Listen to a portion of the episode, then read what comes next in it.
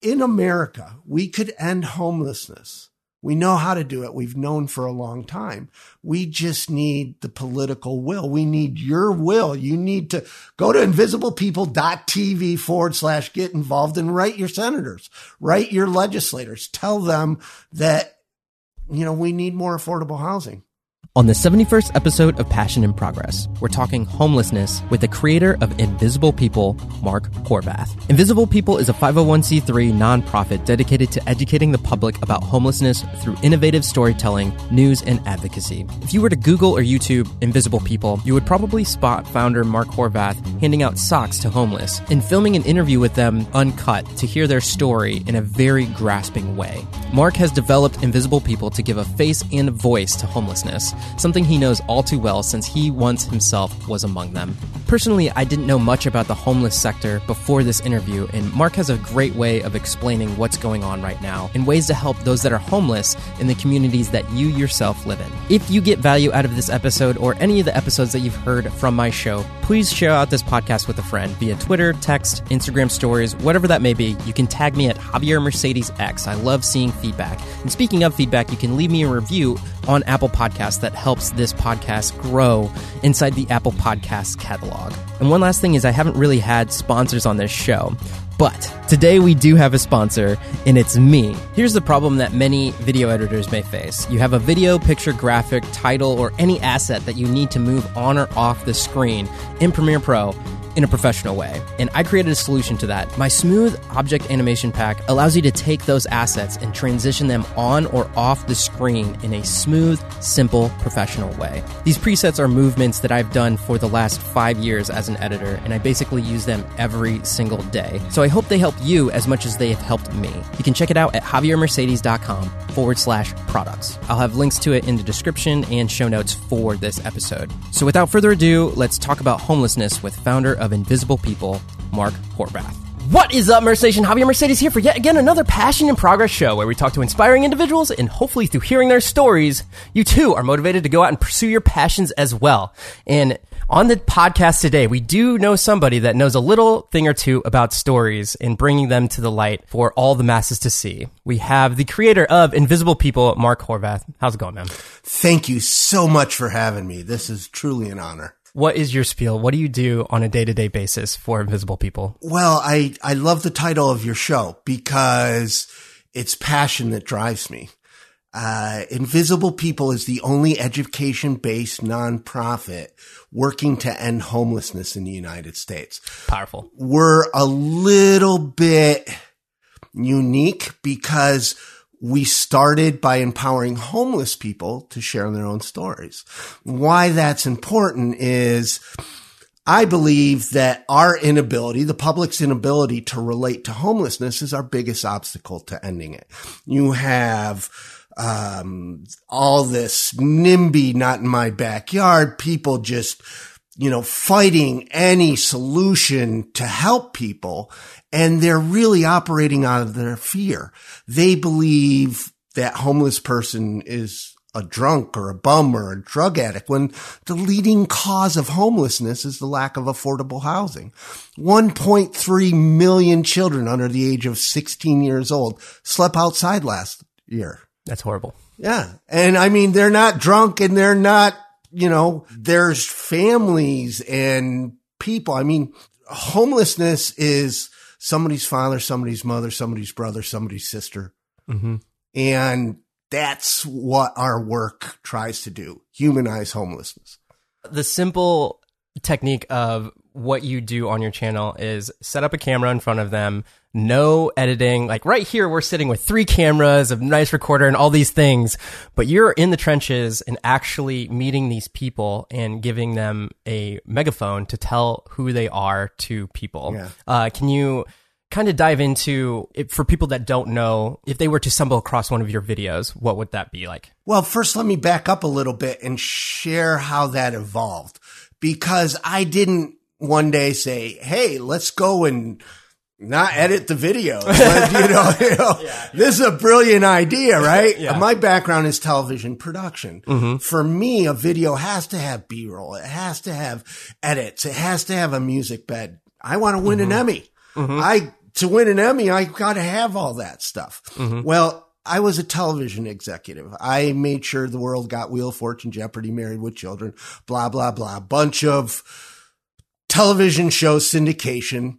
Uh, I never met Vanna White. I was, there's this manufacturing part of television. Believe it or not, even though TMZ shows Hollywood as a big party, there are people that actually work. Oh, I know. I know. I know. I know. Yeah, you know, but people just think, you know, Hollywood is this glamorous stuff. So it's a lot of work, a lot of stress, lots of money. I ended up homeless on Hollywood Boulevard. I rebuilt my life back to a three bedroom house, cushy marketing job, new car in the garage. And in 2008, the economy crashed. I lost everything again, including my Avid workstation. When my house went into foreclosure, my Avid, which for those of you that don't know, that was the Adobe Premiere. I mean, back, back when Avid was around, that's what professional use and, Well, it's still around for professional use. yeah, but Adobe was kind of like for wedding Oh, yeah, for sure. videographers, which that's professional too, but it wasn't the industry standard for cutting TV. And so I had this workstation. It went away when my house lost, when I, my house went away and I had this dinky laptop that, um, uh, couldn't cut video. I had a boss that he, in his office, he had this coffee table book, um, called Finding Grace, which is black and white photos of homeless people. Mhm. And I'm looking through it and I thought, gosh, I could do this with video. A couple weeks later, he laid me off and I had the time.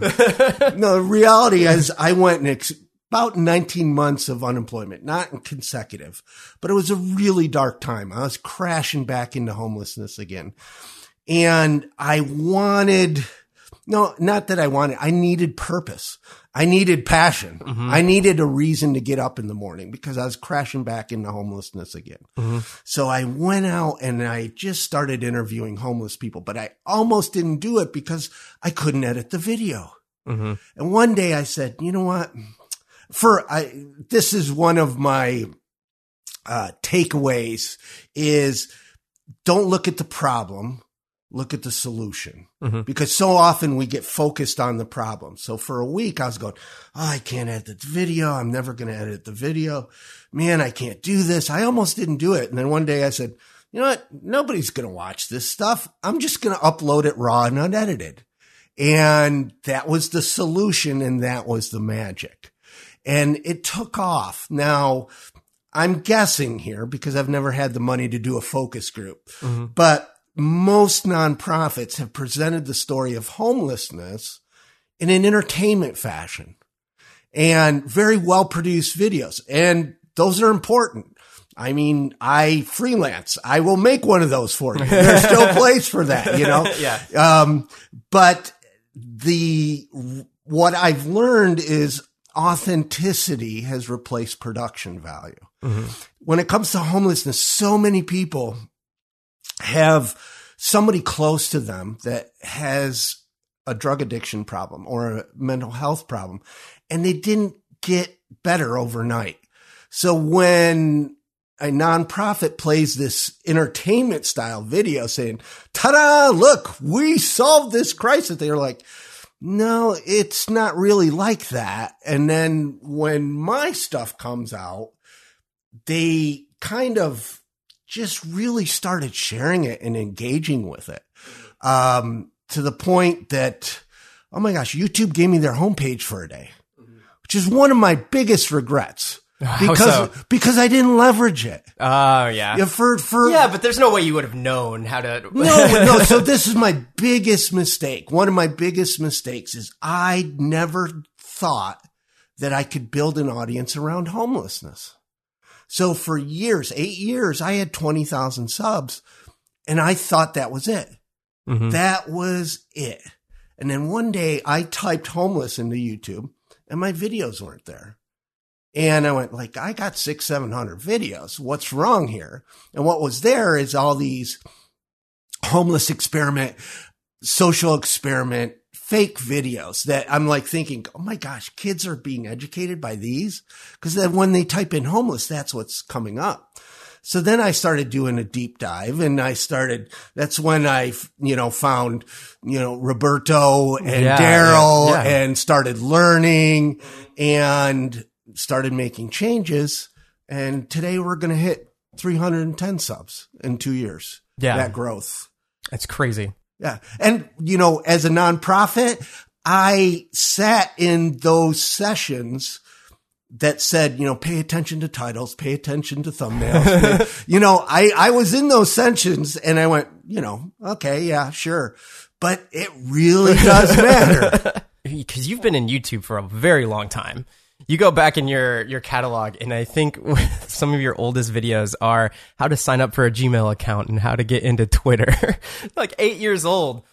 Can you talk about how you've seen the progression of what you've done when it comes to interviewing people? Has it changed, or do you just follow the same thing? You just want to meet people and tell their story. Yeah. First, those how to sign up for Gmail. That was something that happened here at South by Southwest. so Gary Vaynerchuk picked me as the cause to partner with mm-hmm. at South by Southwest Oh, awesome. at a and at a Pepsi refresh challenge. Okay. And we raised $50,000. dollars mm-hmm. So I built this website and produced cartoons to teach homeless people social media That's awesome. it, it was a huge failure, but it changed into something now. I facilitate an online support group for homeless people, but that's what those cartoons are for. Okay. You know, YouTube, one of the things that's changed for me is really listening to the community. Mhm. So every Sunday night I do a live stream. I don't really publicize it. I just talk to the, the community. Yeah. And one thing they wanted was longer videos. That's they wanted longer interviews. And for me, that's not always possible. So I, I, to really put this in context, I, and I, and I wish I could because sometimes I see, you know, um, uh, how you can really monetize YouTube by paying attention to keywords, paying attention to trends, and then producing something. Well, my stuff is more organic. I'm under a bridge interviewing a homeless person and I might only get two or three minutes and it might not be safe. You know, police might be coming, you know, so I don't have a whole lot of control over it. It's just kind of evolved to this. I try now to go longer, um, which is really a, um, for the nonprofit sector as a producer, I produce for a client uh, a bunch of videos, and one was three minutes and 26 seconds, and they want it cut down to three minutes. And yes, if you have a platform like Twitter that only allows two minutes, you have to be very time sensitive. But they had this belief that every video had to be below three minutes.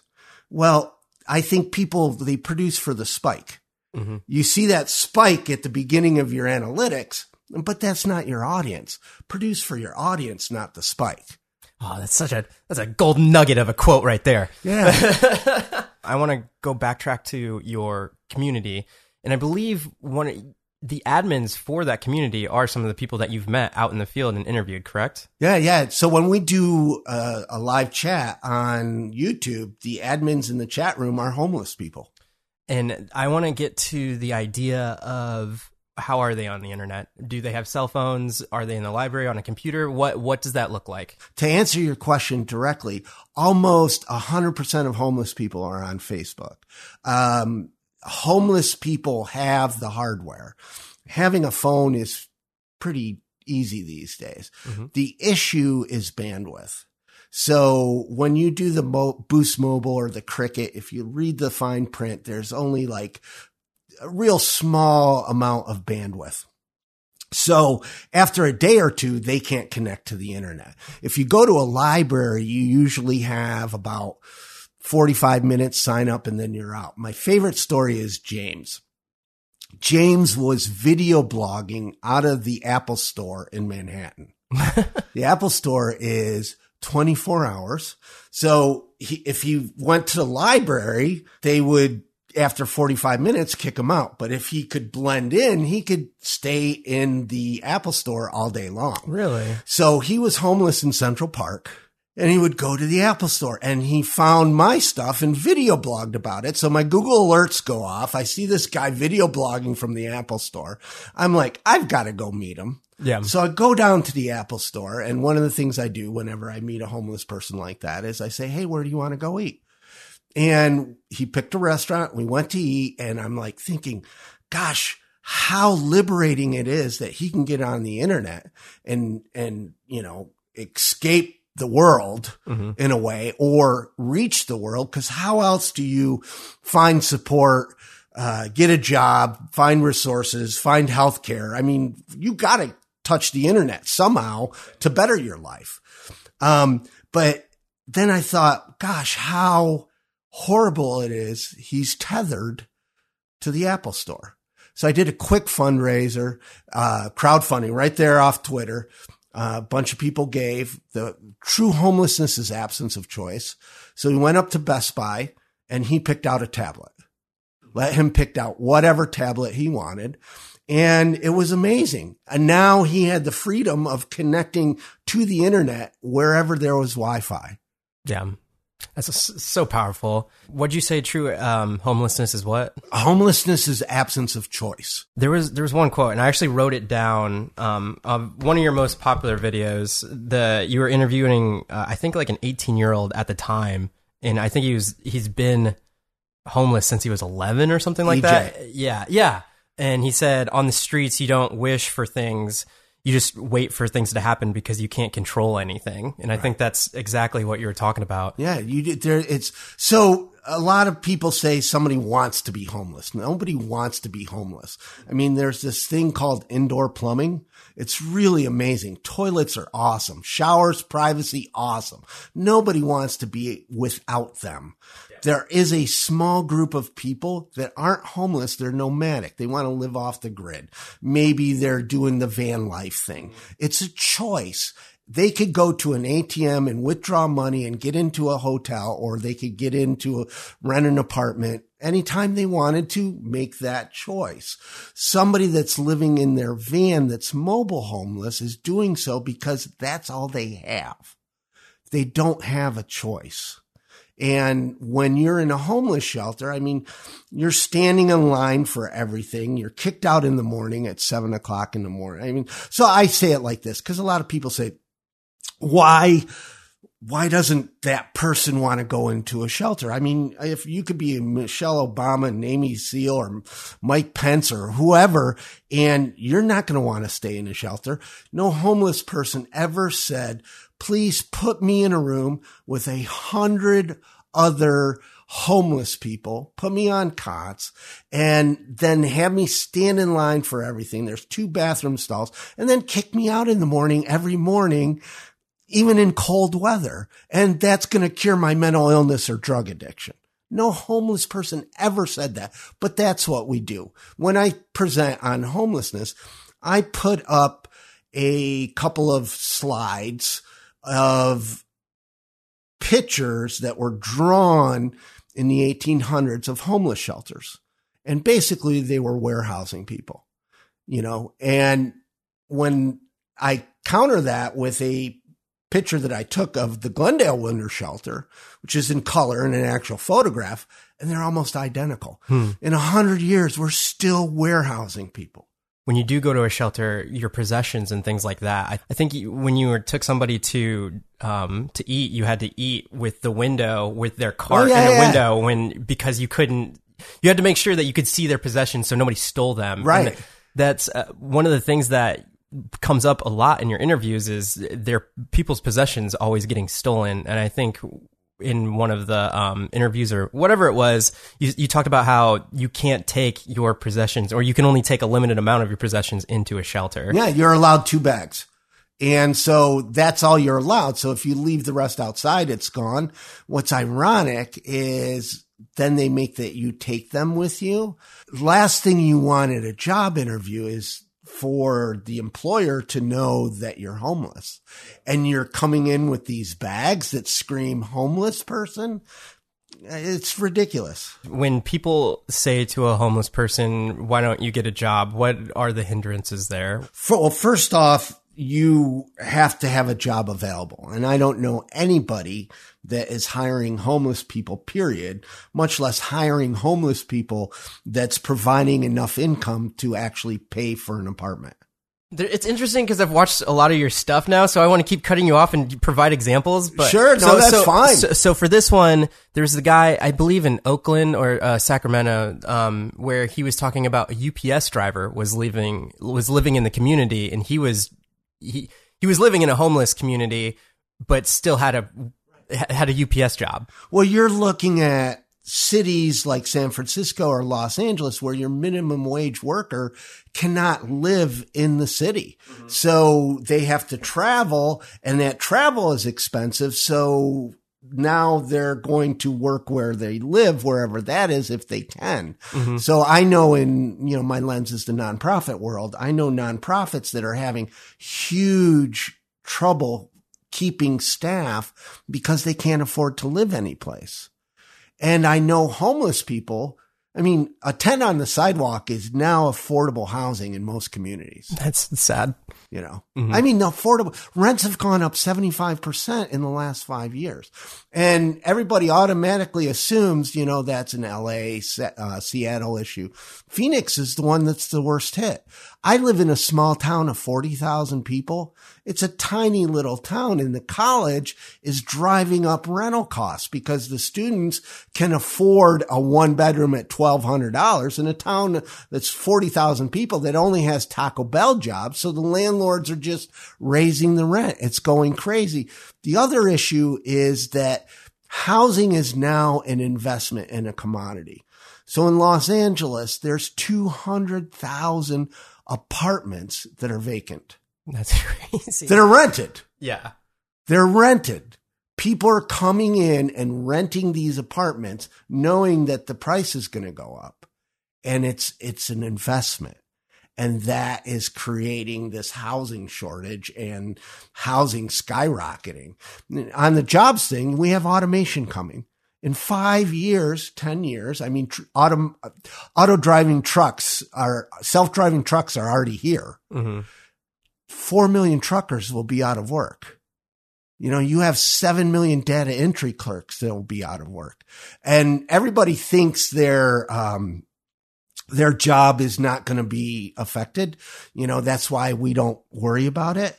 Well, have I use Adobe Spark now instead of going to hire a graphic artist. I suck at graphics, mm-hmm. right? But I can put it into Adobe Spark and it already does this color matching and color scheme for me stuff. And I'm like, oh gosh, I don't need to hire a graphic artist. I can do this flyer myself. Automation is going to touch every single job.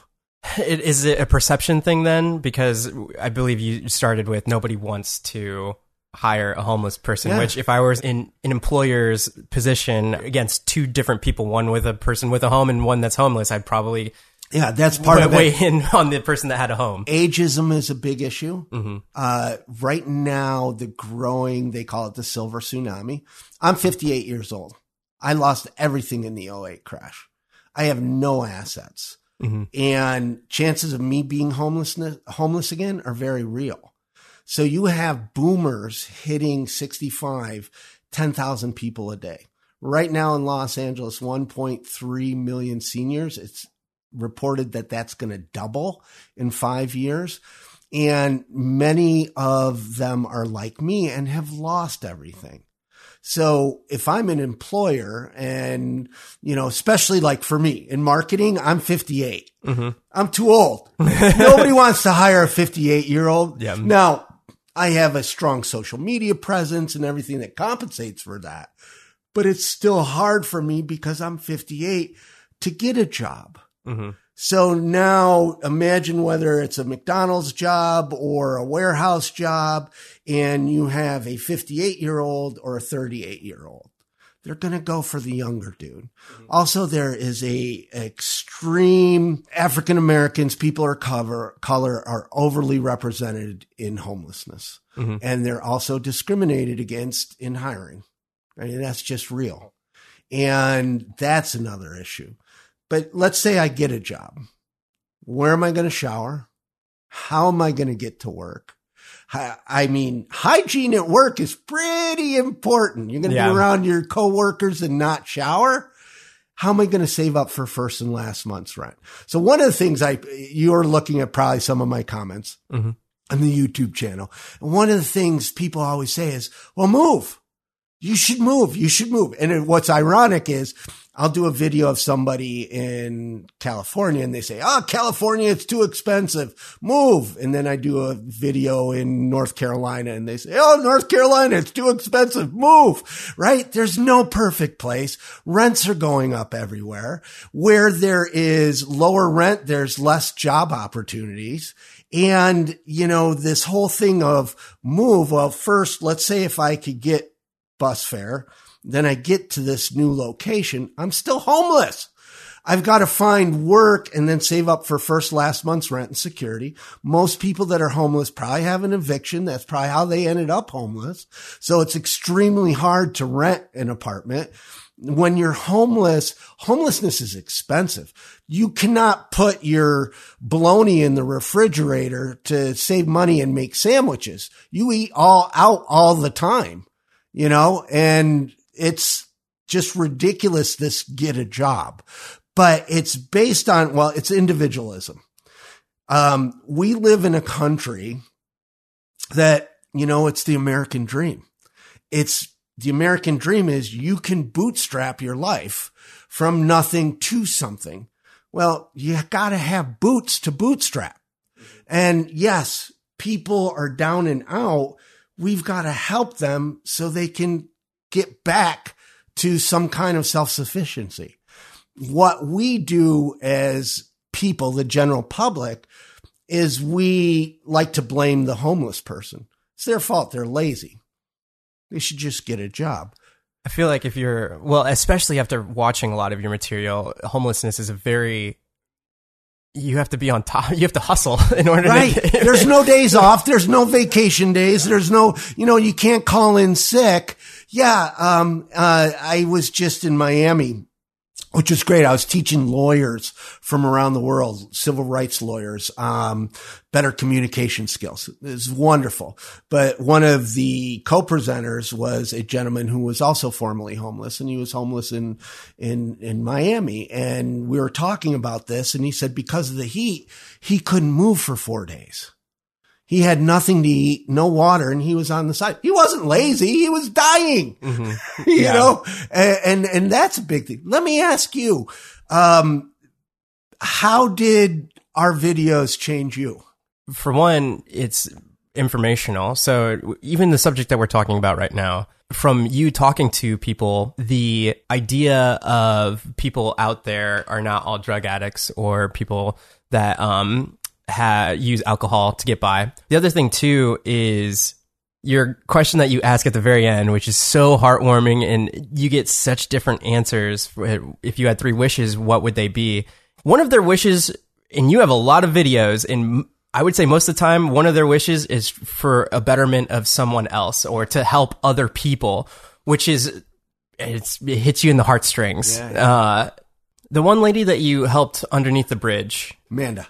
I have 24 years sober and I can't remember where I parked my car. but you remember. all I of the- remember each and every invisible people video. if you listen to a lot of motiv- motivational self development material, it's all about your mindset and everything. And with her, she's so much practicing it of I am here and I'm going to look for the good in everything. And then she completely flips it and says, well, I'm still here and I'm living underneath a bridge and I want to wash my hair, but I can't wash my hair because it's freezing cold outside. And I know this isn't a very big thing for you, but it would be the, it would mean the world to me if I could wash my hair. That, that whole thing. So I don't know if you saw what I did with Hanes. Uh, I, I know, uh, I know you did something with her. Do you want to explain? Well, what the- sure. What we did was Can you, we, can you explain the, what, how you found her or just the story behind that Sure, sure. Um, uh, Hanes, uh, I've been partnering with Hanes for a while, and it's just one of the things that we do. Now, people say, like, I partner with Ford. Uh, I've partnered with a lot of different brands. It's part of my strategy. It's not like, you know, when in the YouTube space, we think about brand deals, right? Yeah, yeah. I'm after their network. hmm So my iPhone sunk to the Ford Motor Company website for two years. When I took a photo or all of my videos was on the Ford Motor Company website. Wow. Ford never gave me a penny. Never. They lent me a car. I paid for the gas. I paid for the oil changes, hmm but I want their network. So one of the things we do, and I'm sure for profits do it too, is we're speaking in an echo chamber. So I use brands to reach their network Yeah. because my goal is to educate the general public. Most of the people in the homeless services sector already like homeless people. hmm Uh, that's not my audience. My audience is you who may never have had a connection to homelessness. And how I do that is by working with brands.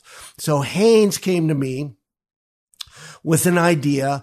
Let's ship three smartphones to three homeless people and record a day in their life on Instagram stories. And you have 30 days to make it happen. and I said, it, it- it's not going to happen. You can't do this. Find three homeless people that, you know, are going to be social media enough friendly, media friendly. I said, this is impossible, but I went and I made it happen. I do that a lot. No, this is, this is impossible, but let's, let's jump through the hoop. Let's, Yeah. you know, I love the challenge. And it was a really powerful campaign because it reached 10 million kids. You know, Hanes amplified it through their marketing channels. Um, and it had Manda washing her hair in the cold. hmm Um, and that's how I first met Manda. I don't know if you saw the video where we're actually under the bridge and she shows me how she lives. Explains all this, but Okay. because Hanes actually went, um, uh, the corporate Hanes went with me under the bridge to meet Manda. Wow. Um, and Manda got off the streets because of that phone. That's awesome. So she did the work. I want to, you know, back to what you were saying about, About internet. phones, yeah. Yeah. She did the work. All I did was buy her a phone with a year worth of coverage. And she was the one who was able to call mental health in the different places to get her off the street. But she'll tell you it was that phone that got her off. Amazing story, by the way. I don't want to just graze. graze Oh, no, no, no, no, no, no. I uh but the other big thing that blindsided me and I did not know this and I feel uh I, I don't want to say stupid but I just didn't know that there were motels out there where the rent is so cheap daily that another form of homelessness is just living in these places in perpetuity or however long they can live there and um I think there was a lady that you interviewed that had four kids in her uh, in her place, and she was working at a McDonald's. Gene. Um, and if she missed one day, then it's where's the rent going to come from? And I can't imagine the amount of stress day to day of one being able to take care of yourself, but two. I mean, my kids, I have two kids and they get sick all the time, especially when they're getting, they're building their immune system. I can't imagine what do you do? I don't know what you do. Well, how do you give a kid a timeout?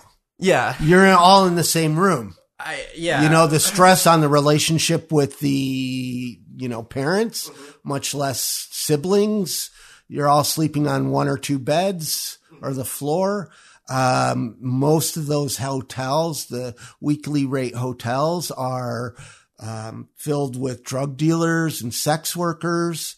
Um, it's not a place for kids, but it becomes a trap because once you're in there, you have to keep paying and you can't afford first and last to get another place. Can I talk Oh, real yeah, quick yeah, about sure. the three wishes? yeah. Oh yeah, yeah, for sure. So, um, as a television producer, this is how it started. If you look at the early videos, I didn't ask a lot. Now I'm actually not going to ask a lot because a couple of people have broken down and the community said, you probably shouldn't ask that all the time. So now I'm going to be a little more conscious, but I was speaking at the University of Arkansas in an outdoor amphitheater and it was a powerful event. They had billed it as homeless advocate coming to speak. So there's a bunch of homeless people there. And when we went into the question and answer, they started asking questions out of their pain. I understood that. They're frustrated. They're homeless. The city isn't doing anything. So I had a choice. I could have either called security or called them down and interview them live. And I interviewed them live, just like I would on YouTube. And the mayor happened to be in the audience. There was a farmer that donated 40 acres of land to the community because of that. Um, that's now being used to feed people or homeless youth work on the farm. And the mayor went and started a housing program That's awesome. because of that. But what was neat was I, wa- as a television producer, probably my best skill was interviewing. And if an interview went flat, I would, you know, try to just change the conversation a little bit. And I'd ask, what are your three wishes? right? And more often than not, the person would respond and they'd get back on track. So it's just one of the tools I would use when interviewing people. And I did it occasionally. So at the end of this speaking event, I give the mic to the person holding the event and he says, hold on. And there's about 500 people in the amphitheater. They all turned with white cards of their three wishes oh wow. A- as a gift to me. They had all filled them out and it was so powerful. And I realized how powerful the three wishes are. So then I started, it's basically branded. And I think it humanizes it because we need to be very real about the social crises in this world, but we have to do it with some bit of hope. And I think at the end, when the three wishes, people start talking about, Oh, I want to help somebody else. I want to, I think it brings it home. It really humanizes it. The ones that get to me really are the people that can't come up with one, Mhm. that they are so far down in the spirit that they've lost hope. Mhm. And that's what gets to me. Uh, you mentioned hope, and I think that was one of the other quotes that I wanted to bring up. I, I think it's in one of your most recent videos. Um, yeah, I got. I want to read it so I don't Yeah, get it. yeah. I know. People people want to hope, but they don't know what to hope for. Oh my gosh, who said that? I think it was in Oakland. It was one of the ladies that you interviewed there. Wow. Another big thing that I see throughout the all of your interviews is they talk about religion in some way, shape, or form. Do you want to talk a little bit about that, especially since you yourself, I believe, you you you relate to it with Yeah, them? I, I have a different. So my progression out of homelessness, um, because it was a church that helped me out, Okay. and um, there was no path out except ministry. I gotcha. So I lived in a church for seven years.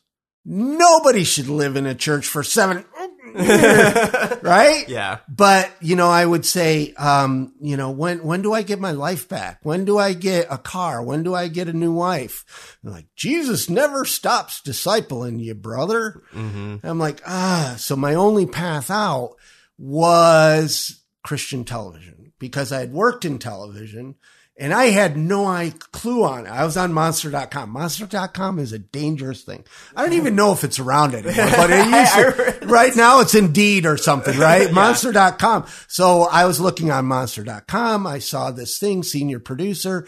Ba-da-da, got the job. I went from homelessness to 70,000 a year, back up to 100K a year.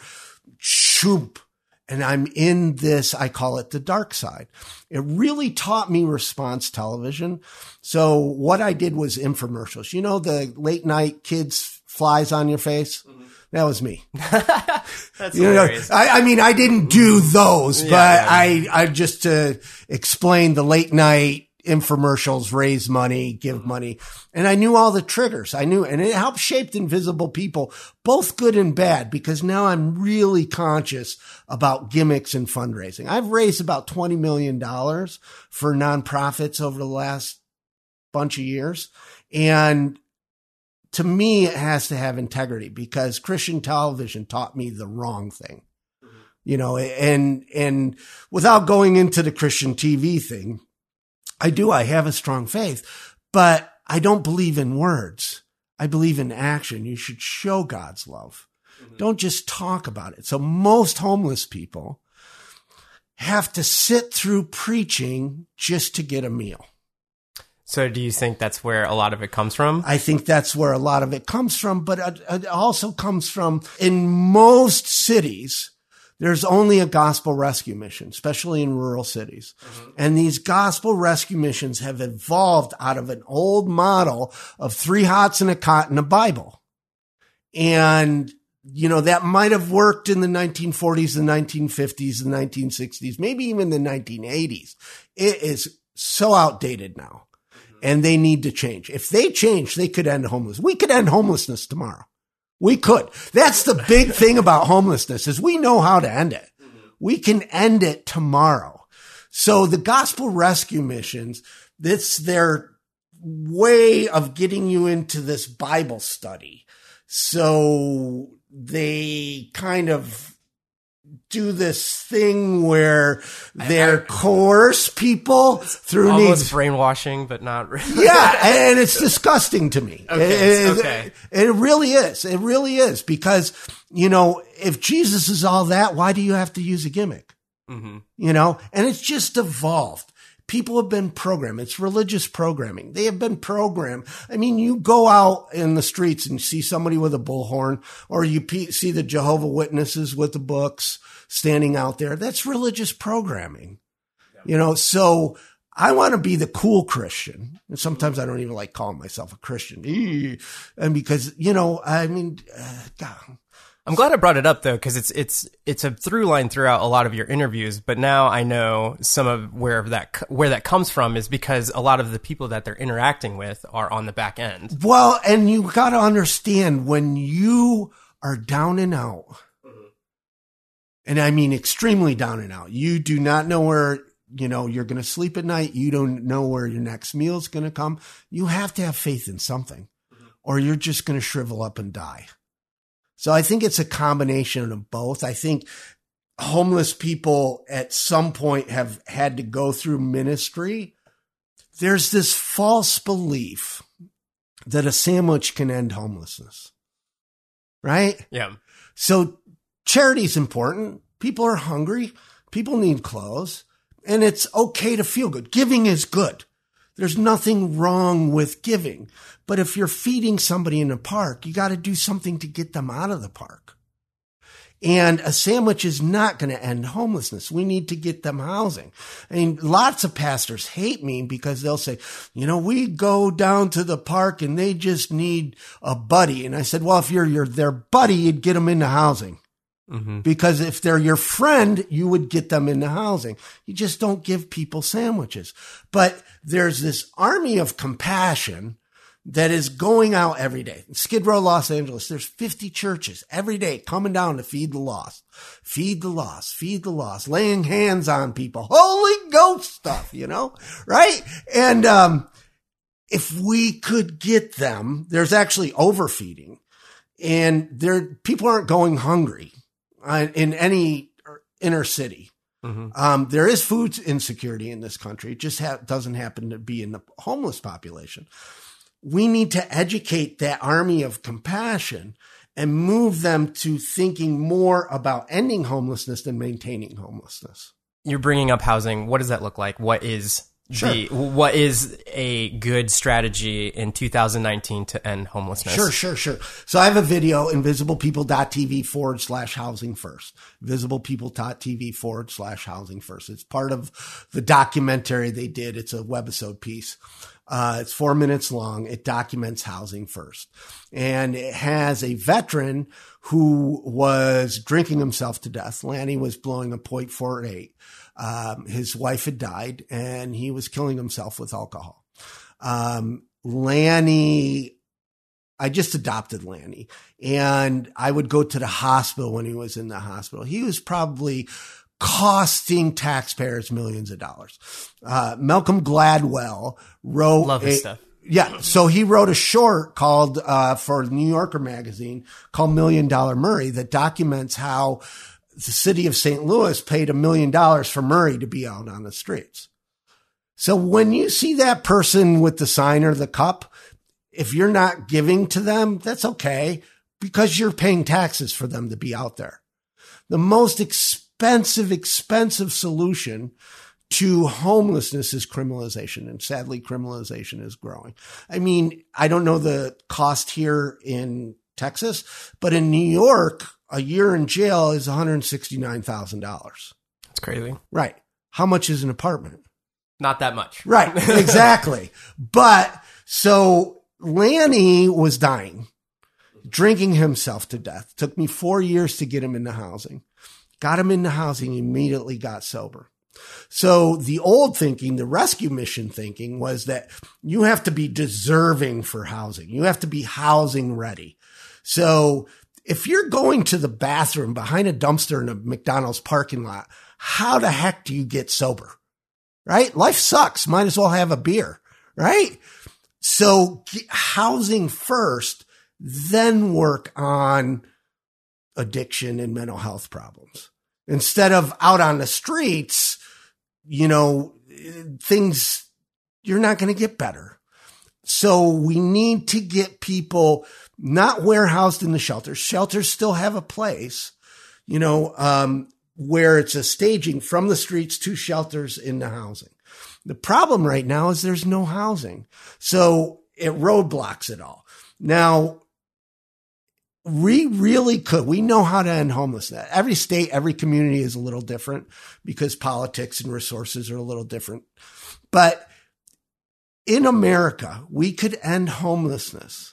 We know how to do it. We've known for a long time. We just need the political will. We need your will. You need to go to invisiblepeople.tv forward slash get involved and write your senators, write your legislators, tell them that you know, we need more affordable housing. And I believe one of the counter arguments would be for people that are just scraping by to even afford their own apartments and other places like that. If it were, if it, if there was an affordable housing unit, what would that be in, in, New York City? What would that like? What would the cost of that be for somebody that get to get? So I'm not price? smart enough to give you those numbers. Okay, okay. But I don't but I, no, you. no, but no, but I I would I would you you bring up a good point where we really have to start at prevention. Mm-hmm. You know, we so there's a couple we need to stop, especially families, from entering into homelessness. Um, there's something called rapid rehousing now, where if a family is going into homelessness or an individual that can restabilize, meaning they're hireable. Mm-hmm. Oh, that's another one on the hireable. So rapid rehousing pays their rent for a year or two while they find another job, retrain or whatever. We first have to prevent homelessness. Mm-hmm. Then, if somebody enters into homelessness, one of two things.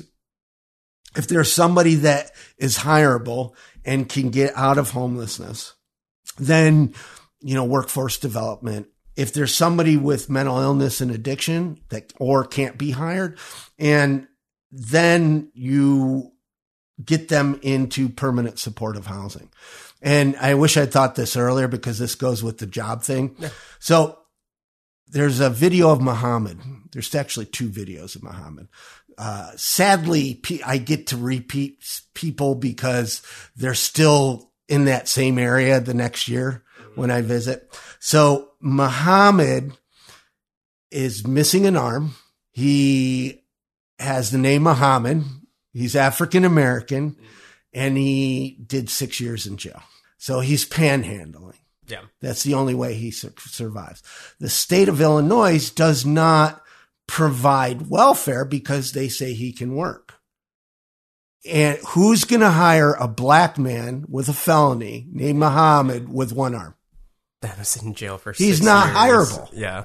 So, you know, he has this choice of either committing a crime to survive, possibly going back to jail, or panhandling. It's such a diverse subject. Um, and it, it's interesting to me because you, you brought up both spectrums because I feel like there's the people that are sober, uh, just like what you point out in your videos, or not not you, but the actual people themselves point out that hey, I've been sober for this long, I, or even some people that don't even do drugs or alcohol, and they just fell on some really bad luck, and they're out there, and you're putting kind of turning the face to the idea that all of these people are just they're quote unquote lazy and they're just out there um, because they want to be. Uh, it's it's very heart wrenching. A lot of the stories in and of themselves. Believe it or not, everything that almost everything of invisible people I've ran by a boss at one time or another or a client and they wouldn't do it. Really? And yeah, Well, one of the quick questions I want to ask is if somebody is like here in Austin, Texas, it's okay for um, homeless people to come up to the cars and everything like that. If you have somebody approach you like that, besides money, what would what is something that somebody should give to somebody like that? Uh, Good question. So first off, I always say be safe. I actually have a video on how to give out socks. Um, if you don't feel safe, if you're walking down the street and you don't feel safe, don't engage. Yeah. And there are aggressive panhandlers, and I apologize for that. Got to understand that when people are desperate or mental illness or intoxicated, I don't want to give an excuse, but sometimes people are aggressive. You know, look at the White House. I always got to put it in. I got to put it in in perspective, and I don't mean to get political on Yeah. you, but the people will say, "Well, they're dishonest." You know, they ripped me off. Enron, Bernie Madoff. You know, uh, rich white people have ripped off people, far more people than homeless people ever will. But first you have to be safe. If you're want to give to a homeless person and you don't feel safe, don't get engaged. Second, listen. Uh, there's a great story of uh, some people in Koreatown in Los Angeles to talk about the guy just needed eye drops. There's nothing wrong with giving money. I, I'm probably the worst person to panhandle because I normally have a bag of socks. Yeah. I give socks. Now, underwear is gold. Underwear is, but people come in different sizes. Yeah. It's logistically impossible to keep all those sizes in a backpack. Mm-hmm. But socks are universal. Keep socks in your briefcase, your backpack. Somebody approaches you, give them some socks. The response to socks, I still laugh. I've been doing this for 11 years. Hey, would you like some socks? And, you know, uh, the way they respond just makes me smile. It's wonderful. But if you feel like handing somebody some money, that's fine too. You got to understand there's things that only money can buy diapers, tampons, uh, you know, certain, mm, you know, medicine if you're got a cold like I do. Um, you know, I have a homeless friend. I have an article on invisible people about it's uh, giving money to homeless people is okay. And I had a homeless friend and he needed a toothbrush and he's standing in front of a drugstore and he has a sign, I need a toothbrush. And people are putting happy meals at his feet. So even though he's already got a number three from Burger King and a number two from McDonald's, people are still giving him hamburgers. He needs a toothbrush. right? Yeah. But we're programmed. They just need a meal. They just need a meal. Mm-hmm. So, you know, if you feel like giving a couple bucks, there's nothing wrong with it. Then what if they go and do drugs? The people that gave me money when I was homeless on Hollywood Boulevard, that I went and used drugs, saved my life. Because if I got dope sick, then I'm vulnerable. And if I'm vulnerable outside, I'm going to get mugged. You know? So, I mean, even the Pope says, give, just give. hmm Personally, if I were you, I just doing what you do on a day to day basis would get to me. I mean, physically meeting so many people, and it's not just here in the United States. You're all you're everywhere, um, talking to these people and seeing their stories day to day to day. I'm sure it has to get overbearing at times. Well, I'm 24 years sober, but I that Domino's six cheese double bacon pizza they made for me. You have a couple of videos and um, I'm sure other social things that you posted from this guy named Derek in Oakland, where he has a government sanctioned what what what would it be called a homeless community? What what is it? Um, I like uh, community. I think that's a better word than encampment. Is that really what it's called? Yeah, yeah, yeah, yeah. yeah, like. Well, World that's War what- II stuff. yeah, yeah, exactly. And um, you see them a lot in Seattle, where there's city sanctioned tent cities. They're in Portland. There's some other places where, first off, tent communities shouldn't exist. They're a slap in the face of homeless services. But since there's not enough shelter beds and there's not enough housing, it's something. And the tent communities, like in Seattle, Tent City 3, Tent City 5, they actually screen people. They screen for sex offenders because they have kids there. They allow pets, which shelters don't. They allow couples to be together. Most shelters don't. So tent city model is something to look at. The tents are there. Well, what's the issue? Trash. People say, Oh, look at all, they're all that trash. They don't have trash pickup.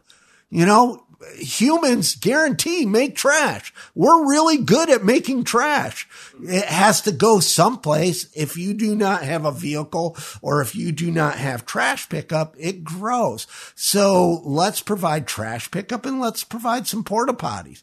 It's pretty common sense, but communities would rather arrest people than help provide some they're, kind they're of looking to be self-sufficient in those communities too Yes. And, and, but again, it's, it's a band-aid. It's not a solution. Um, the interesting thing was, uh, YouTube selected invisible people to be a part of the VR creator lab.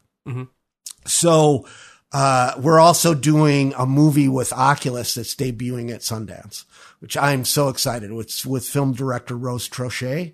Um, it's amazing without going into, uh, too much spoiler. Uh, it is, um, about a homeless woman eh, who plays herself in the film and all the actors are homeless people. Um, which is record breaking in itself, but it is a true VR experience where you interact with objects. Wow. Uh, it- it's amazing. So VR Creator Lab is VR 180. So they came in, provided some funding, three day boot camp, and you go and create VR content, VR 180 content. And I was new to VR 180. I'd been doing some 360 stuff. Um, but I was new to the VR 180 and in a headset, it's 3D. It's really cool. And what I really like about VR is ambisonic audio. So even in the VR 180, you still have a sphere of audio to play with. that's awesome So, like, if you look at the Tent City video, um, or the one where Eric is panhandling, you're going to hear those noises all over. And what I, if you turn your head, it's like different than stereo, you know, um, it really is you're interacting with the environment and audio plays such a big role in the experience. Uh, I'm grateful to YouTube for selecting us. Um, we weren't the technically best out of the lab. Um, but I got some feedback last week. We had the best stories. So I would, ra- I would rather, you know, and that's one thing that bugs me. So because, you know, we live in a world now where there's just wonderful, amazing YouTube creators and they're mind blowing. And here I am with my unedited videos that often I I make a mistake because I'm, I'm under a bridge or I'm in this environment. I'm worried about safety. I'm worried about all these other things. I'm worried about the homeless person's safety. And so it used to really get to me that my videos weren't perfect, but nobody complained that the focus is soft. Nobody complained that all of a sudden in the middle, the colors change. Yeah. Right. Yeah. So now I play with it a little bit. I remember being in one of those tent cities in, in Seattle and a dog hits the monopod.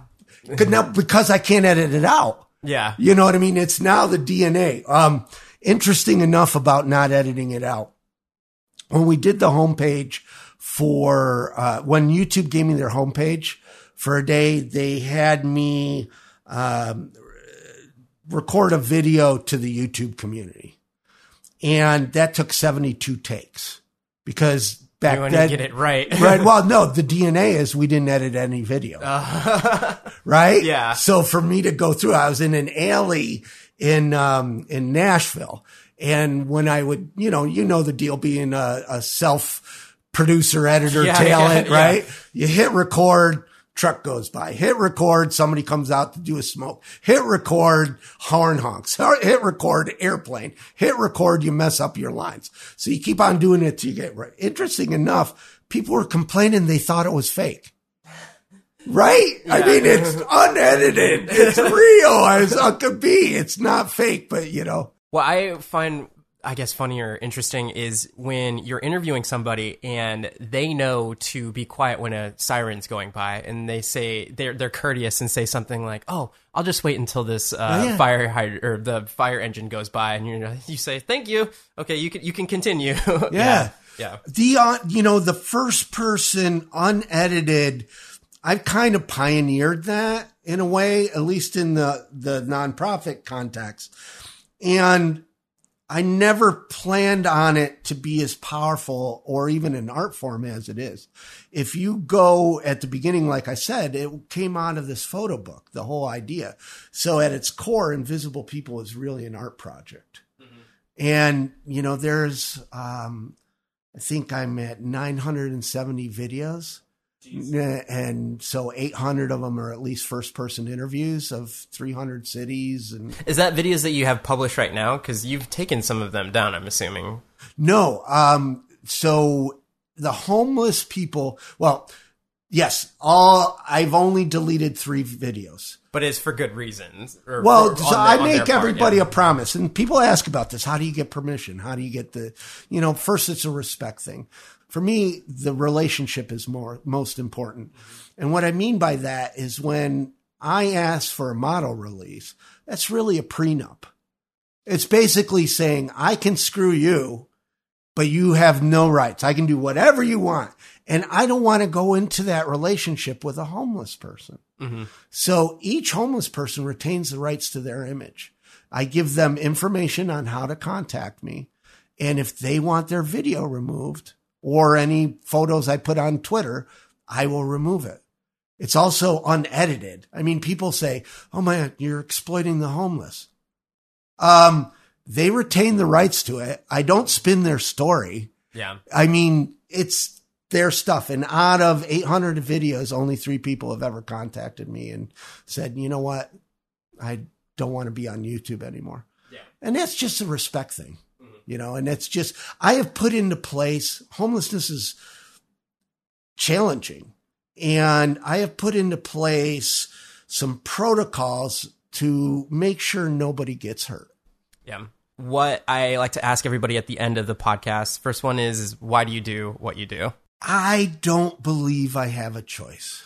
Mhm. So a lot of people, especially in the faith-based community, say they are called. I'm called to this. Well, if you're called, you can hang up the phone. God, there's so many good nuggets in this. You know, when you're called, you can hang up the phone. I believe, and one of my road trips, um, I was driving and it just came over me. This is my destiny. I don't get paid. I'm on, if I had kids, I wouldn't be able to do this. And if you look back at all my experiences from playing music, um, to ministry, to dealing drugs as a kid, to being a drug addict, to working in television and production, to being a chief marketing officer for a large organization, for all these experiences to now, I've never felt closer to a destiny. It's a very powerful why. It's awesome. Uh, and I think from from personally watching your material, it's I don't know if it's unfortunate or awesome that if and that's a bad thing to say. I think uh, in terms of you've gone through what these people that Yeah. you're interviewing have gone through, so you can relate to them in ways that a lot of other people cannot. It's it's super powerful. Um, I'm not spooky, but and I want to quit every single day. Um, but there's something in the back that says, if not you, who? yeah. So, like Dateline featured me in my work, yeah. and the executive producer who comes from 60 Minutes, which is my favorite show. If you want to learn storytelling, watch 60 Minutes. That's they do it right. Mm-hmm. And he was researching something and he says, Your videos keep popping up. What's your story? You have the largest body of homeless stories I've ever seen. Mm-hmm. And it's changing people. And from the s- you know, housing programs have started.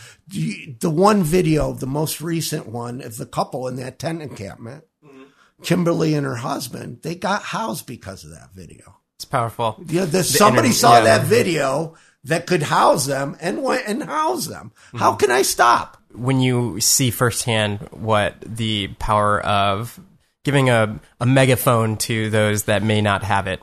It's very. I'm just going to keep saying the word powerful. Um, second question is, and I don't know how how this would really be phrased, but what I normally ask is to get to where you're at today. What advice would you tell people? Um, and I think it's in terms of what bringing it to the very beginning of the podcast, talking about purpose and passion. What is some advice that you could give to people to live in a way that you are now doing something that you love doing and you're making a positive impact in the world? Um, gosh, uh, I wish that you would uh, give me an advance on that one so I could think of something really catchy. Yeah. Um, I think it was Aristotle that said that you, once you find something that you can do that makes you money and that helps people, that should be your vocation. And for me, like I said, because I don't have a family, I can follow that Yeah. uh, without money. But I do believe I'm laying the groundwork to actually build it up. It's just too, uh, telling stories of homeless people is just, even the homeless sector doesn't like it. Um, my advice for, for people, um, is to really go for the long haul because Invisible People has been around for 11 years. And I think it's right now that we're really starting. For years, we had 20,000 subs. Today, we're hitting 310,000 subs. That's all happened in the last two years. We want this overnight success, but the overnight success is working every day for a long time on your passion. If you have a real job, this is what I tell kids when I'm speaking is consider yourself a freelancer.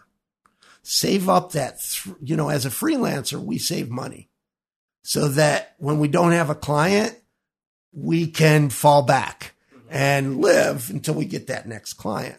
Even if you're getting a paycheck and you're getting health insurance, consider yourself a freelancer and save up that money because every time I've had that guaranteed job that I thought, oh, I'm going to have this job forever, I lose it.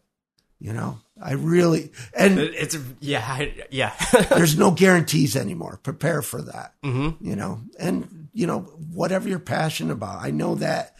Um, and if you don't have a dream, help somebody else with their dream until you get your own. Yeah, that's interesting. There's a couple different people that have uh, given that piece of advice. If you are, if you don't know what you're passionate about, go out and help somebody else, and at least you'll you'll start to find uh, wherever that may be. Yeah. Um, even if it's something completely obscure from what you were helping somebody else out with. There's a, one more question I want to ask, Sure. and it may not deal with any that any of the um, invisible people, but in the last year, what is something that you've done business wise or personally? What what's been one of the best investments that you've made? You know, I'll go back to your last question in the same thing. I think, you know, uh, great men are ordinary men that don't quit. So I had been working on a brand refresh and a new invisible people for a couple of years. I almost gave up. It was so hard because we don't raise a lot of money. And when you don't have a lot of money and you want to do things with excellence, you just have to work harder. And it was such a struggle. I almost gave up, but we launched last February.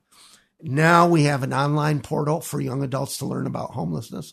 It was never there before. If I'm a kid and I want to learn about homelessness, I had to download a 46 page academic PDF or some rescue missions fundraising stuff. I created that. Our videos are still there. That's our DNA. But I started journalism. We now publish original news content on homelessness every single day. It's syndicated on Apple News. Soon will be on Google News. That's awesome. And I'm here. I will be at Texas Tribune tomorrow to learn about journalism. Now I spell neighbor N-A-B-O-R. I am not the person to be heading journalism, right? But I saw a need and I saw that invisible people needed to evolve past the stories. And it's all part of an inbound marketing strategy. I want people to read that article, but come in and watch a video. And so the news content is really, and Chris Brogan, who's a friend, uh, calls it the outpost strategy ProBlogger. Darren's also another friend, um, writes a great post on the outpost strategy, how you use social media to bring into your home base. Mm-hmm. So to answer your question, what I've done in the last year was take the risk of launching a brand new invisible people with a brand new strategy and it's rocking. Oh my gosh, it is kicking ass. That's awesome. And it was a huge risk um, that kept me up at night. It was impossible to raise money for, um, but I pushed through and made it happen, and it's better than I ever thought.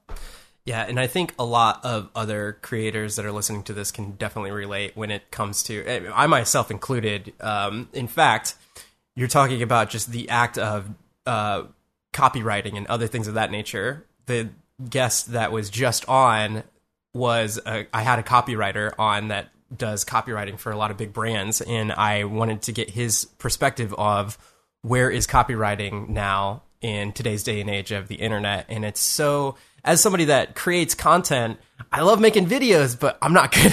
I'm the same way at spelling neighbor. Creating copy is so tough for me. For other people, it's like it's their jam. But I can see uh, firsthand when you do have good copy that it can relate to other people, and then it's another piece of it's another piece of the puzzle and becoming a whole kind of media entity. Yeah. And and hire the right people. So mm-hmm. I had a choice of hiring myself, which is a very real need, mm-hmm. um, or reinvesting into invisible people, taking the risk that it will grow. So I, I have a managing editor. She manages all the journalism, mm-hmm. um, posts the content, make sure the commas are in the right place. and what is really neat, and I didn't really expect this, is we started hiring homeless writers. That is amazing. And, you know, uh, I remember, so at the first of the month, I send everybody money and several of them are homeless. I sent a woman who lives in a homeless shelter in, in um, Atlanta $200 this morning and totally made my day. Awesome. That's amazing. Uh, great high note to end the podcast on. If people want to get involved, if they want to actually help out in what is going on with homelessness, where do you want to send people? What what should they check out? So I'm kind of weird in this because a typical nonprofit would pitch themselves. But for you and for you to get involved in homelessness needs to be a local connection. So research in your community who is ending homelessness and not just maintaining it and support them. Now, everybody has to advocate for more affordable housing. Um, that's a given. We have to do something about more affordable housing.